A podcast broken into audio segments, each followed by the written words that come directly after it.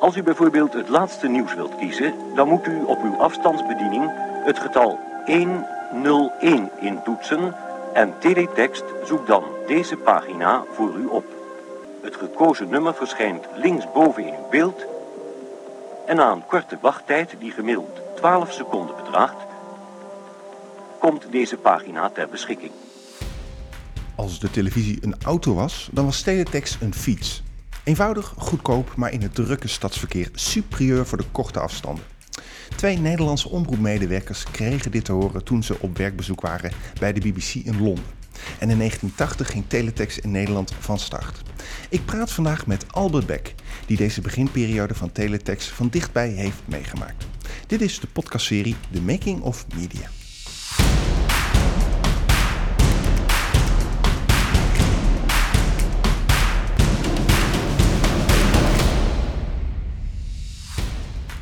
Welkom uh, Albert Beck. Uh, u was uh, al vrij vroeg in het bestaan van de medium Teletext werkzaam bij de AVRO. Ik ben begonnen in, in 81 bij, bij de AVRO, 80, 81. Um, en toen was eigenlijk net Teletext in, in opkomst. Um, in 1980 is dat begonnen, 1 april. Geen grap. Um, bij, de, bij de NOS, na een proef. En um, een proefperiode van nou wel twee, twee, drie jaar. Daar hebben ze ruim de tijd uh, voor uh, genomen. En um, toen wilde, dat was nog de tijd van de strijd, de onderlinge strijd tussen de verschillende omroepen. Um, wilden ze ook bij de AVRO wel iemand hebben die voor de AVRO uh, een stukje teletext zou maken. Nou ja, die tijd uh, was, die, uh, kenmerkte zich eigenlijk door onderlinge strijd. Hè, want uh, ik mocht van Van der Zee, ik hoor het hem nog zeggen, je mag niet met die VPRO praten. Um, echt, ja, oppassen geblazen wat, wat die van de VARA deed en wat die van de VPRO deed.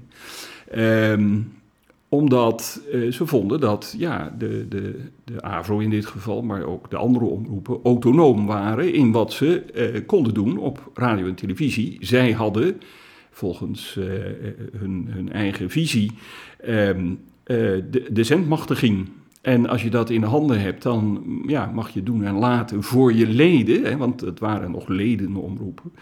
Um, uh, wat, je, wat je wilde. En uh, de NOS was niet meer dan een soort uh, bijwagen die ervoor zorgde dat als er grote feesten waren, zoals Koninginnedag of andere nationale gebeurtenissen, dat die mochten dat dan wel uitzenden naar de verschillende omroepen. Dus ook de AVRO, die moest ervoor zorgen dat ze vooral die identiteit, die ze dachten toen ook te hebben, uit te dragen.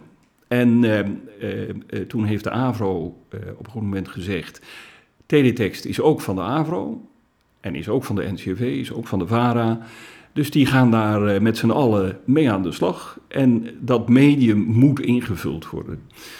Nou, ik, ik kwam net van, van de universiteit in Leiden. En nou ja, goed, ik, ik kon wel wat schrijven. Ik had daar een, een, een subfaculteitsblad opgericht en ik werkte bij de afdeling voorlichting. Want ik deed alles behalve studeren. Um, en toen um, heb ik gewoon een open, aanvankelijk een open sollicitatie geschreven aan AVRO. En daar werd ik uitgenodigd voor een, ja, voor een sollicitatiegesprek. En dat, was dus, dat ging over een positie bij Teletext. toen in mijn eentje. Uh, ik moest uh, een tekstje schrijven, een heel kort tekstje. Want uh, nou ja, als je teletext-pagina's ziet, dan zie je dat dat eh, niet meer, ik, ik, weet niet meer hoeveel posities het precies zijn uit mijn hoofd, maar iets van, van 300 posities. Dus ook letters, lettertekens, spaties. En het liefst ook nog een, beetje ruimte ertussen, zodat je kunt lezen waar het over gaat. Um, dus dat, uh, ja, dat, was, dat was een opgave. Uh, ik, ik, weet eerlijk gezegd niet meer precies. Ik geloof dat ik een programma, een AVRO-programma moest aankondigen. want zo ging dat nog, hè, want ze wisten eigenlijk ook niet goed wat ze dan met die teletextpagina's aan moesten. Ehm, een aankondiging van een programma. Um, uh, teletext was overigens een uitvinding uh, uit Engeland. C-Facts, C-Facts, daar kwam het eigenlijk vandaan. Bedoeld alleen maar om ervoor te zorgen dat dovende, doven en slechthorenden um, een, uh, een programma konden volgen. En dat was revolutionair natuurlijk, want ja, televisie was voor, voor dove mensen die een beetje konden liplezen nog wel een beetje te volgen. Maar echt woordelijk wat er gezegd werd, was, was niet te doen. Um, toen bleek dat uh, met diezelfde informatie uh, die, die je dan met uh, de, de zender meegaf, ehm, via de ether ook andere informatie kon verschaffen ja, was dan uh, ja, op zich wel een openbaring. En ook voor, voor de BBC destijds, die dat ontwikkelde, uh, aanleiding om te zeggen: Nou, daar kunnen we dan ook nog wel serviceberichten. Hè? Dus uh, hoe laat vertrekt de trein of heeft het vliegtuig vertraging? met een receptje zo hier en daar mee te sturen met die ondertitels. Nou, dat hebben we hier in Nederland uh, overgenomen. In 1976 zijn uh, twee mannen hier van de NOS, Wim Stokla en Joop Marmelstein, daar naartoe gegaan, naar de BBC toe gegaan, hebben daar van alles en nog wat gezien. En zagen natuurlijk ook hier enorme mogelijkheden.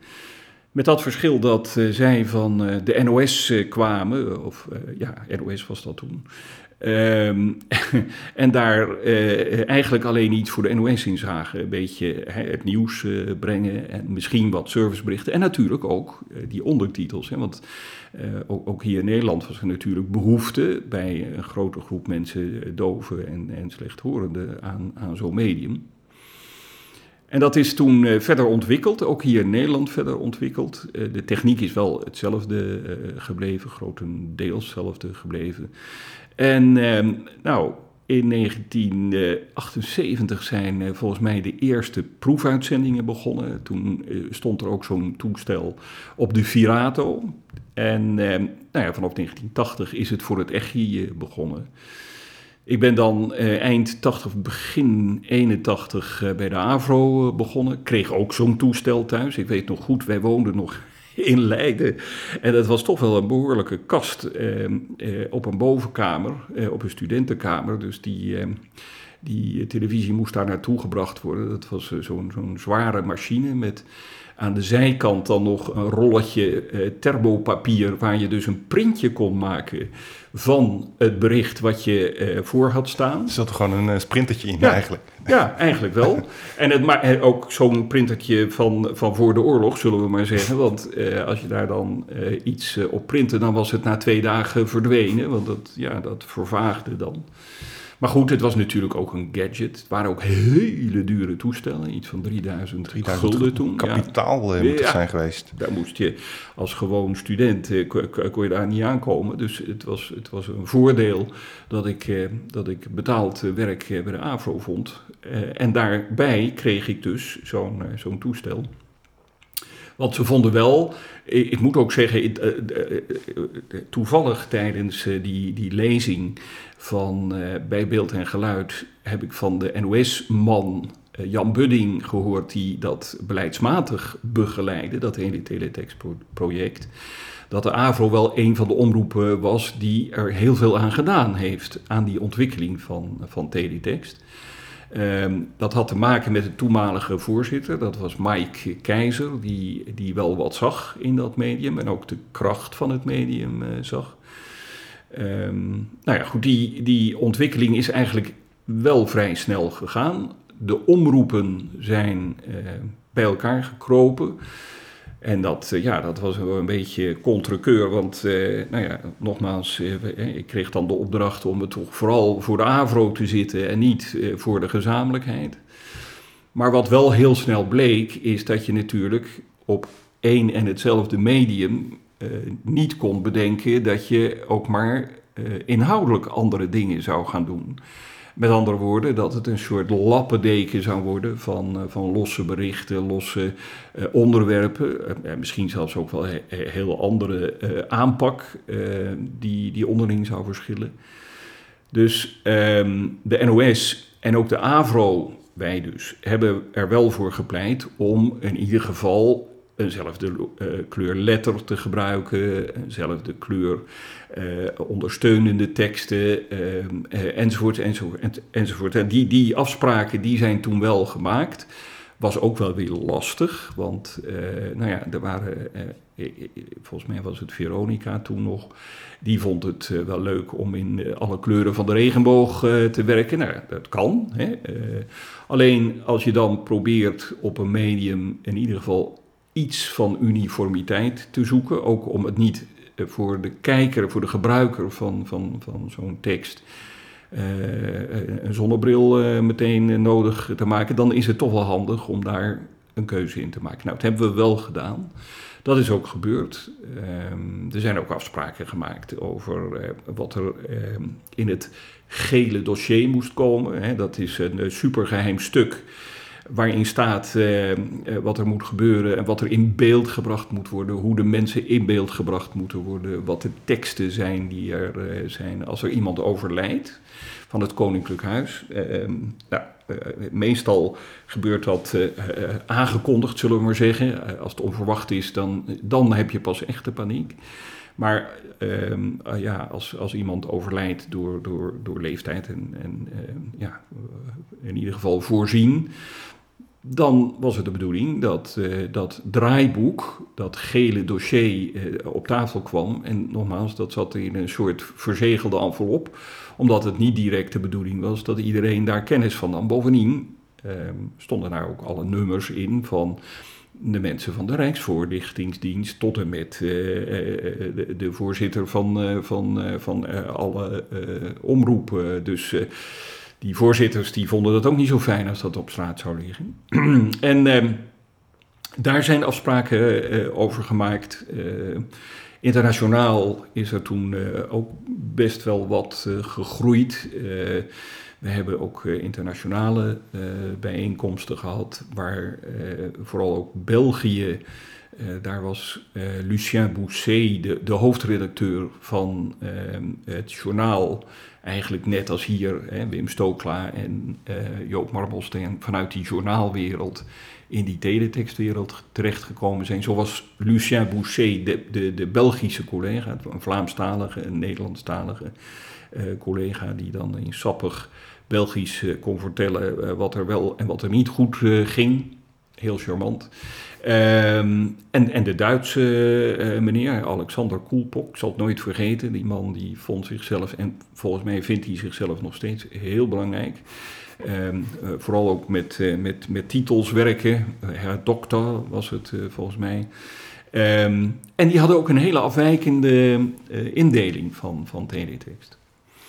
Um, maar goed, de, de, internationaal is, is, zijn er toen ook afspraken gemaakt, ook over wat de nieuwspagina zou zijn, 101. Bij de Duitsers werd dat dus 110.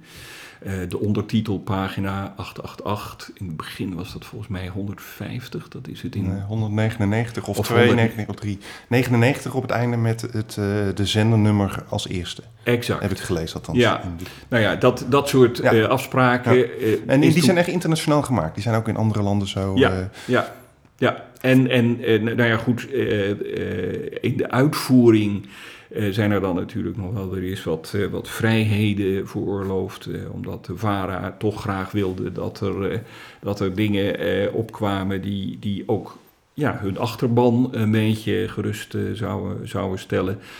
Ik weet nog wel dat in, in dat overleg wat er was, en dat er waren twee commissies eigenlijk, een commissie, begeleidingscommissie Teletext, dat was meer bestuursmatig en beleidsmatig. En er was een coördinatiecommissie teletext waarin dit soort dingen over kleurgebruik, taalgebruik, eh, nou ja, goed, lettergrootte en, enzovoorts eh, eh, werden gemaakt.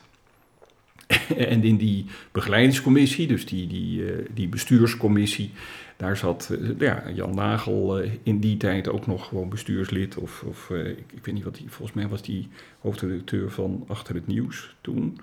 Um, daar zat hij nog in. En uh, het was, nou ja, goed, wel hilarisch om te zien hoe hij dat in dat internationale gezelschap in dit geval deed. Want dat, dat klonk voor geen meter, zal ik maar zeggen. Ehm, wel te respecteren. Want het, ja, het is, uiteindelijk moet je natuurlijk toch met elkaar proberen ergens uit te komen. Dat, uiteindelijk is dat gelukt, moet ik zeggen. Ehm, want er zijn heel veel omroepen die allemaal hun eigen ding wilden ook, of die hun eigen visie hadden. Uh, was er nog strijd tussen de omroepen? Wat, ik kan me nou, voorstellen dat het een soort Europees parlement is waar iedereen vetorecht heeft. Ja, ja, nee, ja, zo moet je het niet voorstellen, maar er, was, er was wel concurrentie. Hè. Het was zo dat uh, op een goed moment, uh, ja, de journalistiek zat bij mij toch wel heel diep. Dus ik vond het heel leuk om ook gewoon uh, nieuwtjes uit Den Haag uh, te brengen en die dan ook op 101 te krijgen. Dat was en is nog steeds de nieuwspagina van. Uh, als, als omroep, hè, dan stond daar met een drietje ervoor 310, meen ik, uit mijn hoofd gezegd. dat was het nummer waar de Avro-pagina's mee begonnen. Um, uh, met, een, met een nieuwtje uit Den Haag. En dat kreeg ik dan via de collega's van het uh, Radiojournaal, Avro's Radiojournaal. en uh, in ruil voor het gebruik overigens van onze allereerste fax die we hadden. Dat was zo'n ouderwetse met een brandend naaldje.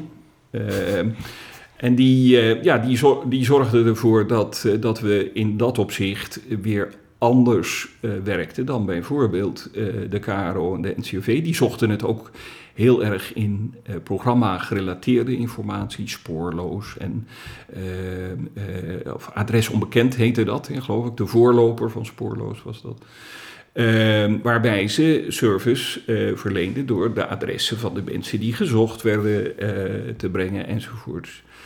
Um, dat deden wij ook wel, hè, want uh, in die periode, in die beginperiode, moest ik vooral ook met iedereen in huis uh, bij de AVRO contact leggen om te kijken of er niet iets van informatie was. Hè. En dat varieerde dan van de tips van Meta de Vries tot en met uh, de inhoud van, van wat Herman Emmink bracht op zondag, zijn muzikaal onthaal.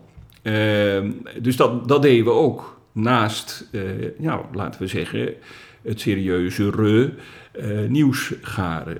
We hebben trouwens ook ehm, opsporing verzocht gedaan in de tijd nog dat Jaap van Meekeren deed en later Wil Simon.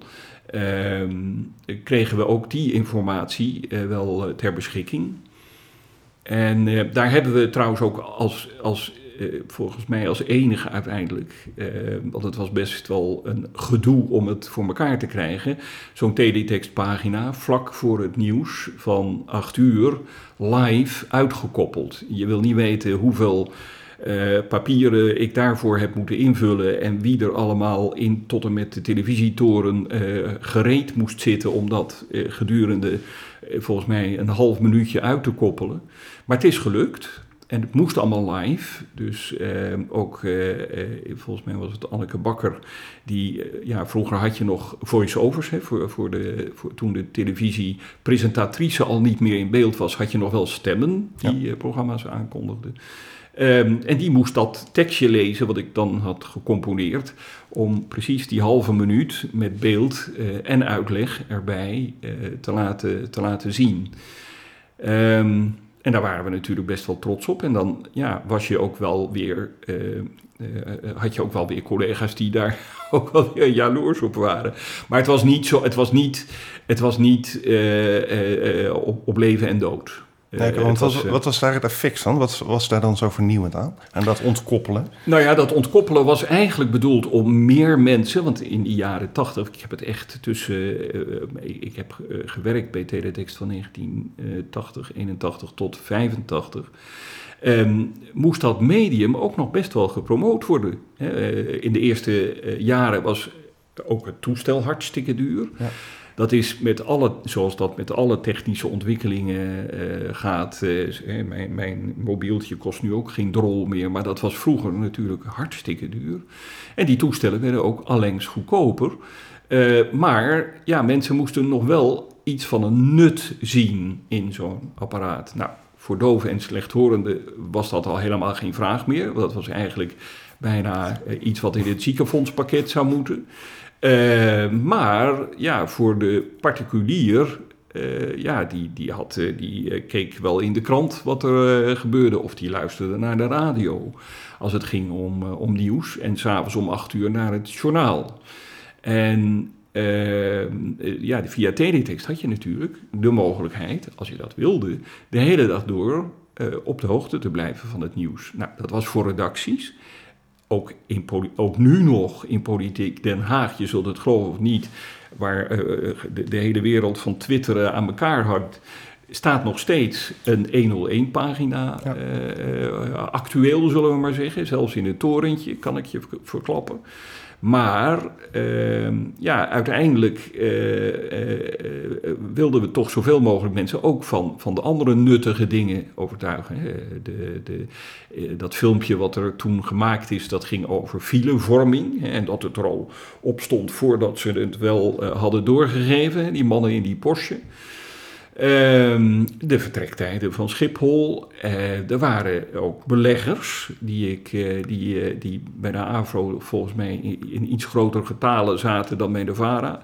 Ehm, die zeiden van nou ik vind het wel handig, want ik kan zien hoeveel mijn aandelen waard zijn. Want dat ja, werd ook bijgehouden. Maar moesten moest die gegevens worden doorgebeld? Moest, nou ja, ik, ik, ik, moet eerlijk bekennen dat ik niet helemaal weet hoe ze aan. Want dat was eigenlijk de NOS-kant. Die, die serviceberichten, uh, verkeersinformatie, uh, de, die algemene verkeersinformatie, die, die beursinformatie, de vertrektijden van vliegtuigen en dat soort dingen. Ja, sport, weer en verkeer, voetbal ondertitels. Exact. Nieuws. Dat kwam dus eigenlijk allemaal... hadden de omroep alleen de 200 en de 300 uh, exact. doeken. Dat kwam allemaal echt van die centrale redactie. Daar hadden we, vind ik, uh, wel goed contact mee. Ik, ik leg ook uh, gemakkelijk contacten, dus het was ook niet zo ingewikkeld om ehm, daar op visite te komen. Want we waren natuurlijk in die begintijd ook echt afhankelijk van uh, de centrale redactie. Omdat ik, uh, ja, ik, je zult het geloven of niet, maar met een pennetje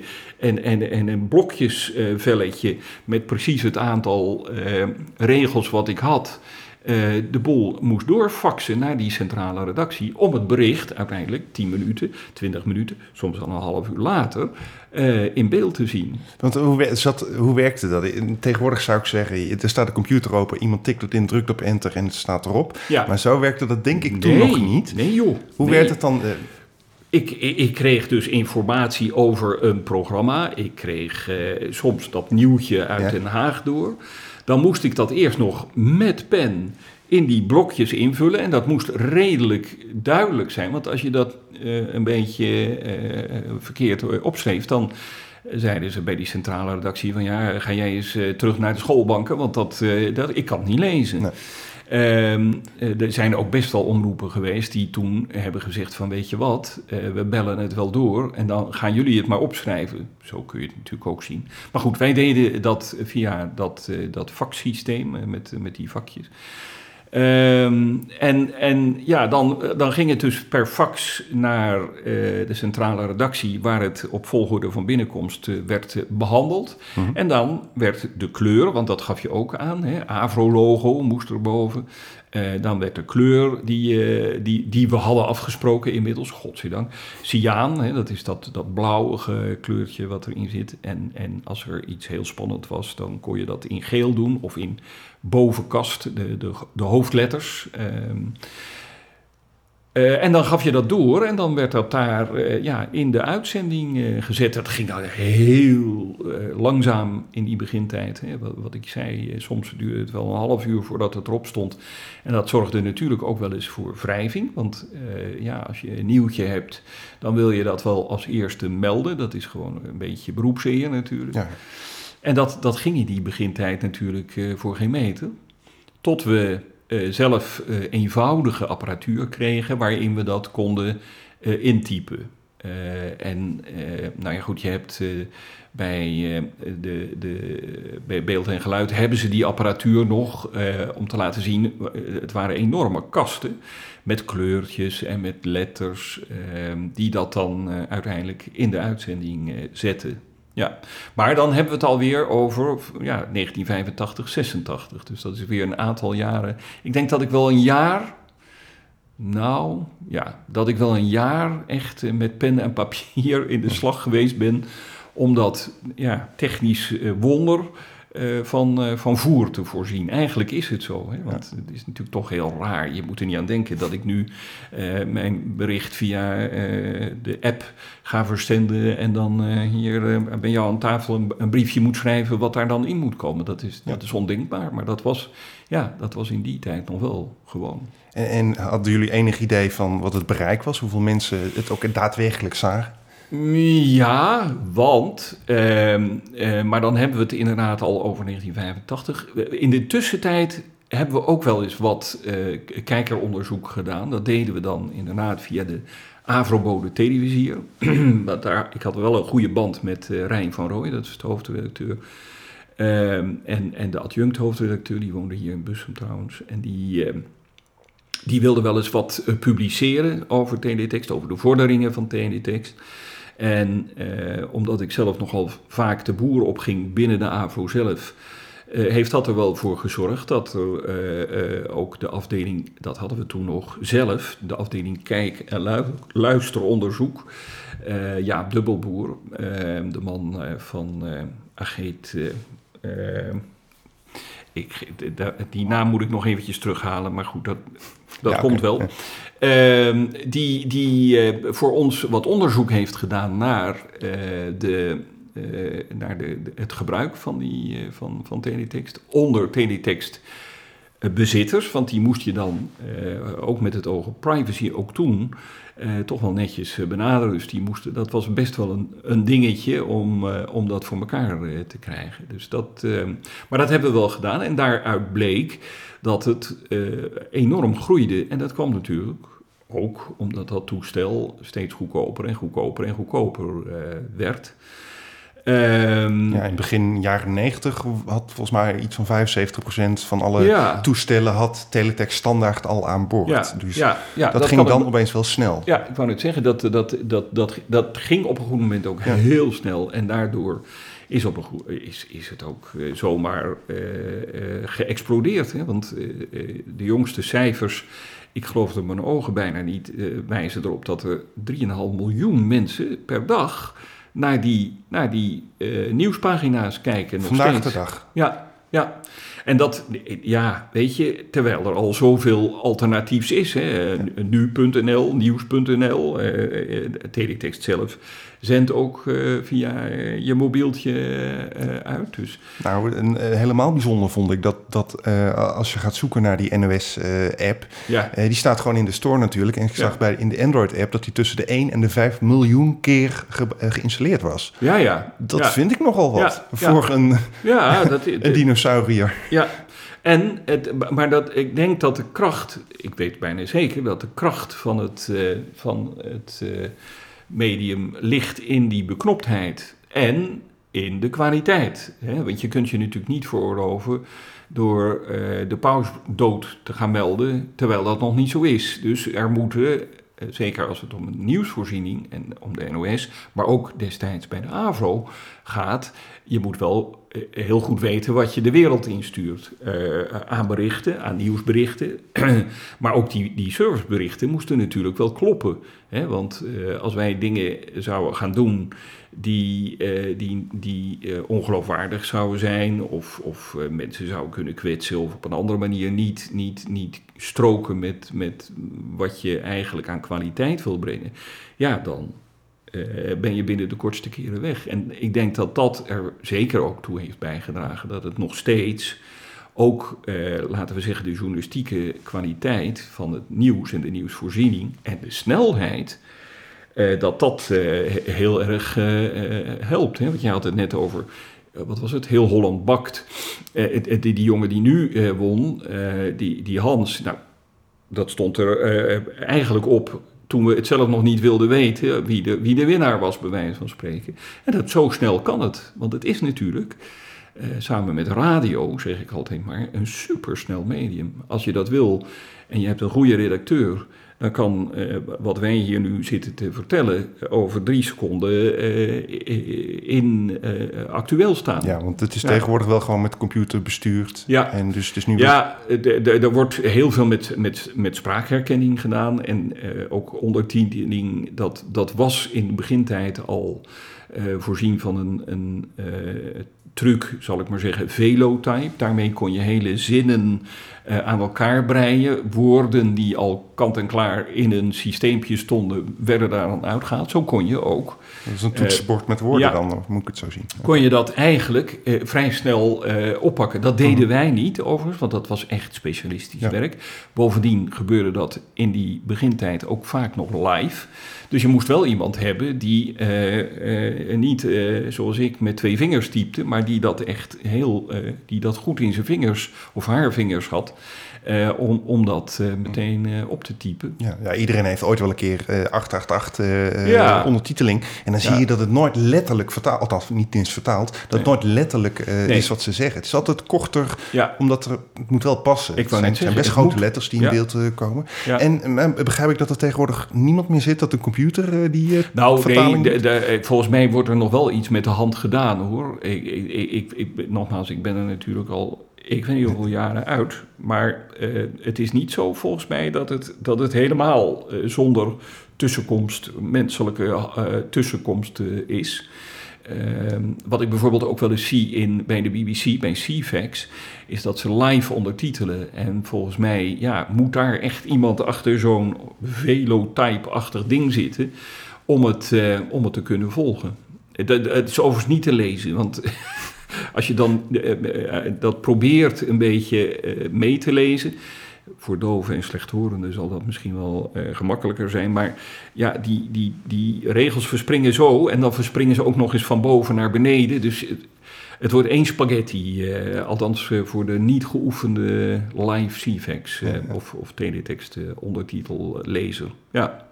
En uh, weet u ook wat voor uh, beroepen of wat de doelgroepen zijn die kijken? Zijn het jongeren die er gebruik van maken of vooral ouderen? Ja, weet je, in die, in die begintijd waren het natuurlijk toch de mensen die zo'n toestel konden betalen. Dus dat waren niet direct studenten. daar stond het ook niet open. Ja, misschien in Delft voor de, voor, de, voor de jongens die dat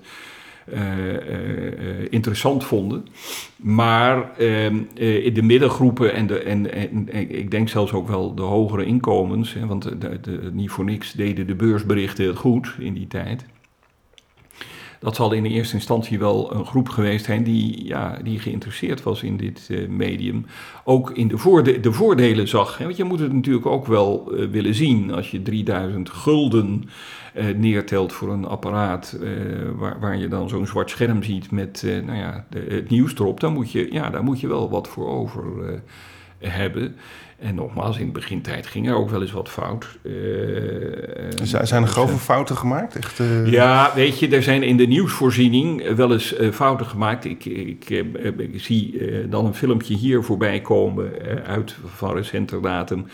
met een opname van de, de toenmalige eindredacteur, hoofdredacteur van, van Teletext, die, die zegt dat het vooral bij de omroepen uh, vaak fout ging. Ik, ja, daar, daar, komt toch weer even iets, iets oud, iets oud, ouds naar boven. En uh, bij de NOS ging het ook wel eens fout. In namen, in plaatsnamen, in hoofdsteden. Um, ik ben in later jaren chef van de nieuwsredactie bij Wereldomroep geweest, jarenlang. En eh, een van de belangrijkste dingen die je daar leert, is dat je vooral eh, je parate kennis eh, goed moet hebben. Omdat als de nood aan de man is, als je snel ergens een bericht van moet maken, moet het niet zo zijn dat je eerst, zoals vroeger in de encyclopie, moet gaan opzoeken wie, ook weer de, de, de paus was. wie ook, waar, wat ook weer de hoofdstad van Venezuela was. dat soort dingen. Uh, nou, gelukkig in die begintijd uh, bestond dat uh, bij, de, bij de omroepen ook nog wel. En daar werd ook nog wel op gelet. maar het is, ja, het is ook wel eens voorgekomen dat er een bericht te snel gepubliceerd is. En dat is natuurlijk buitengewoon pijnlijk. En als dat maar vaak genoeg gebeurt, ja, dan ben je je geloofwaardigheid kwijt. En nou ja, goed, gelukkig is dat niet zo ver gekomen. Ehm, Nee, maar er zijn in het buitenland wel voorbeelden van eh, echt foutieve berichten. Ja. Dat eh, de paus, nou, de- wat u zei, of- Ja. maar ook dat eh, Rusland of Sovjet-Unie was Polen binnengevallen. Dat Ja. soort berichten. Ja, die gewoon ja, ja. nou ja, dat, waren. dat, dat, dat is volgens mij ook één zo'n zo'n bericht wat, wat er toen ooit is tussendoor geslipt is. En waarvan je dan zegt van ja, hoe kan het toch in godsnaam zijn dat iemand dat publiceert zonder dat je eerst kijkt. Wij hadden bij de AVRO een heel correspondentennet. Ook in Oost-Europa. Koen Korver zat daar toen nog, eh, die, die vanuit Moskou weliswaar eh, alleen maar pianoles eh, kon nemen en verder alles moest slikken wat, wat de Sovjet leiding aan berichten gaf. Maar die hadden we zo kunnen bellen om te vragen van, joh, wat, wat, wat is er aan de hand? Hè? En, en zo'n bericht stuur je pas echt de wereld in als je zeker weet op basis van verklaringen of getuigenverklaringen. En dan zeg je ook de bron erbij, eh, wat er aan de hand is. En eh, nou ja, als dat dan niet gebeurd is, dan is dat echt een, een grove fout. En dan is dat, dat moet je dan ook niet willen natuurlijk. Ja, ja. En even terug naar die, eh, de beginperiode. Ehm, er was, u kwam erbij toen het medium eigenlijk al bestond en in opstartfase Ja. kwam. Ja. Eh, iets daarvoor was volgens mij nog een conflict met de krantenwereld. Ja, zij- nou ja, kijk, voordat het zover was, voordat teletext natuurlijk uiteindelijk eh, eh, eh, tot, tot het medium geworden is wat het, eh, geworden, wat het moest zijn, eh, vonden ook eh, uitgevers het heel interessant. Want die dachten van, Ja. hé, hey, daar kunnen we eh, de krant op zetten, daar kunnen we eh, nou, van alles en nog wat. En dan tegen betaling, hè, commercieel gebruik van maken. Ehm, eh, uiteindelijk ook het ANP, hè, want de- het is goed dat je het zegt. Het ANP, toen het nog niet commercieel was, hè, de, Ja. de radionieuwsdienst verzorgd door het ANP, ehm, die, eh, had, eh, die had daar ook wel oog op. En die zei, joh, maar dat nieuws dat hoort helemaal niet bij de NOS. Die, doen jullie maar fijn de fileberichten en wanneer de vliegtuigen vertrekken, dan doen wij het nieuws wel.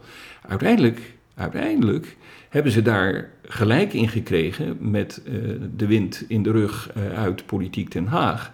En hebben tot, uit mijn hoofd gezegd, 1994, daar eh, zelf dat, eh, dat nieuws eh, gemaakt. En toen wilden ze commercieel. En hebben ze gezegd van nou, dan mogen jullie het wel weer gaan doen. Maar in die tussenliggende periode is dus het nieuws op teletext verzorgd door het ANP. En die redactie die zat weliswaar hier in, eh, in eh, Hilversum. Maar het is natuurlijk toch raar dat, eh, eh, ja, dat het eerst bij de, bij de omroep, bij de gezamenlijkheid zat, bij de NOS zat. En dan later is, is verkocht, bij wijze van spreken, aan het ANP. Die het dan uiteindelijk ook wel weer terug heeft gegeven. Met als resultaat, nou ja, dat zeg je terecht, nog steeds immens populair en ook van een hele goede kwaliteit. De sportberichtgeving, ik ben, eh, dat zie je wel aan mij, nou, dat zien de, de mensen die naar deze podcast luisteren niet, maar ik, ik heb een dikke buik. Maar eh, als je van sport houdt, dan zit je bij teletext goed. Eh, als je die berichtgeving leest, dan weten mensen die daar schrijven over de verschillende sporten, met die eigen terminologie die erbij hoort, eh, heel goed eh, te vatten waar het om gaat. Dus die deskundigheid, die zit er nog wel degelijk. Ja, Nou, ik denk dat het ook een specialisme is, omdat je het zo beknopt moet schrijven. Je, Ja. hebt, je hebt maar zoveel karakters, honderd zoveel karakters. Ja. Het is bijna Twitter eigenlijk. ja, Eh, eigenlijk, Ja. eigenlijk moet je je nieuwsverslaggeving of sportverslaggeving doen via een medium dat op het huidige Twitter lijkt. ja, ja. Nou ja, ik denk ook dat, eh, stel, hè, want eh, er zijn, we, zijn, we zijn inmiddels eh, zover dat, dat de Belgen zijn gestopt met, eh, met teletext. Dat ook een aantal commerciële omroepen hier in Nederland overwegen of al zijn gestopt met, met, met teletext. Ehm, en, je, en je ziet eigenlijk ook dat eh, de, de publieke omroepen die er nog wat mee doen, dat, dat, is, dat zijn er geloof ik ook nog twee. En dan alleen maar nog voor berichten eh, dat, dat ze aan de Schravenlandse weg zitten of dat ze op het Mediapark en waar ze dan te vinden zijn en wat de, de- het, het klantnummer is. Ehm, dus daar, dat, dat, dat neemt echt af en dat verdwijnt natuurlijk ook. En ja, je, moet je afvragen in hoeverre, uh, kijk, als die kwaliteit uh, die ze nu bieden op, op nieuwsgebied, als dat uh, op de helling gaat, als daar of op bezuinigd wordt, of als ze zeggen, nou ja, dat, dat doen we er nog wel eventjes bij. we zetten gewoon een tekstje van, van radio om naar iets wat op teletext te zien is, ja, dan is het denk ik snel bekeken. Want ja, er is genoeg concurrentie, dus ook uh, kwalitatief genoeg concurrentie. Kranten hebben uiteindelijk natuurlijk ook gewoon via internet hun digitale uitgaven. de, de een is wat beter dan de andere, maar kranten, kwaliteitskranten als de Volkskrant in de NRC hebben natuurlijk een fantastische uh, uh, site ook, waar, waar, waar al die berichten en ook de nieuwsberichten snel op terugkomen. Dus ik denk dat, dat we in de, in de, in de na-run van, uh, van, een, van, een, echt van een periode zitten en dat wellicht, en misschien vinden ze daar ook wel weer wat nieuws voor uit, ehm, de ondertitels weer uiteindelijk uh, overblijven als uh, enig bestaansmiddel of be bestaansreden van, van, van uh, teletext. Ja, want in, in, zo is het ook inmiddels in België en in ja. Verenigd, ach, Verenigd Koninkrijk. Ja. Maar de BBC, die het ook heeft uitgeschakeld, ja. maar teletext zit nog steeds in de lucht. Exact. Dat exact. is het ja. En, en ik heb wel begrepen dat, uh, dat uh, voor, voor de kabelaars, uh, dat er ook een deel van die ondertitels al via andere systemen ook live op beeld kunnen komen. Ja, en dan, ja, dan is het denk ik ook wel snel, snel bekeken. Misschien ja, van een paar jaar nog. Maar Nederland mee, houdt het wel ja, lang ja, vol in vergelijking met omliggende landen. Ja. En, en wat ik zeg, ik denk dat dat voor een groot deel te danken is aan de kwaliteit, de, de inhoudelijke kwaliteit van het, van het medium, aan de snelheid die het heeft. En, en toch ook wel uh, ja, de service die het biedt. Hè? Want uh, als, als wij uh, op vakantie gaan, dan kun je op, op Schiphol, en dat kun je natuurlijk, ja, je hebt gelijk, ook op je mobieltje zien. Maar je kunt gewoon eigenlijk alles nog steeds goed terugvinden. Ja, alleen ja. compacter, sneller, ja. kleiner, ja. geen reclame, geen foto's. Nee, nee. Wat kunnen de huidige moderne media daar nog van leren eigenlijk? Wat kan een app daarvan leren? Nou ja, de app de, kan ervan leren dat, dat er een hoop vlees aan berichten kan zitten, wat er niet toe doet. Hè. Je, je, als je berichten op teletext leest, dan heb je de essentie, de, de journalistieke wie, wat, waar en waarom. Uh, en wanneer? Uh, vijf hè, waren het er geloof ik. Uh, waar je dan heel compact in die nou ja, paar regels echt antwoord op krijgt. En in een appje moet je natuurlijk ook heel kort zijn. Ehm, maar ja, weet je, daar komen dan weer andere aspecten bij. sociale aspecten, mensen die elkaar ook het leven zuur maken. als je dat uit die wereld tilt en je, en je, en je bent in staat om een appdienst uh, te maken die, nou ja, net als teletext, zo beknopt en zo goed en zo helder kan formuleren, ja, dan, dan wat ik je zeg, denk ik dat het uh, met, met teletext uiteindelijk ook nog wel eens een keer zal aflopen. Maar het heeft wel in al die jaren zijn diensten bewezen, denk ik. Hè? Want het heeft toch veel uh, dingen kunnen, kunnen bijdragen. En we weten allemaal wat het is. Uh, jij zegt zelf ook, het was er voor jou toen je geboren werd en het, het is er nog steeds. Ja. Uh, en, en heeft ook inderdaad nog steeds voor sommige mensen ja, nut. Nou ja, dat gaf wel aan dat het uh, zeker in die, ook in die beginjaren toch, uh, toch wel een populair medium is. En dat is het nog steeds. Gek genoeg, of dat is niet gek genoeg, maar uh, opvallend genoeg nog steeds eigenlijk. Ja. Zo mag je het wel zeggen. Ja. Want gebruikt u zelf nog teletext ja. op dagelijkse basis? Echt. En wat zijn uw favoriete... Ja, 101 hè. 101. De 101. Staat die de hele dag aan? Nou ja, ik, ik, ik, kijk denk ik nog wel drie keer uh, per dag uh, op. Ik had een collega bij de, bij de Wereldomroep en die zei ook, ik ben ook nog steeds 101 verslaafd.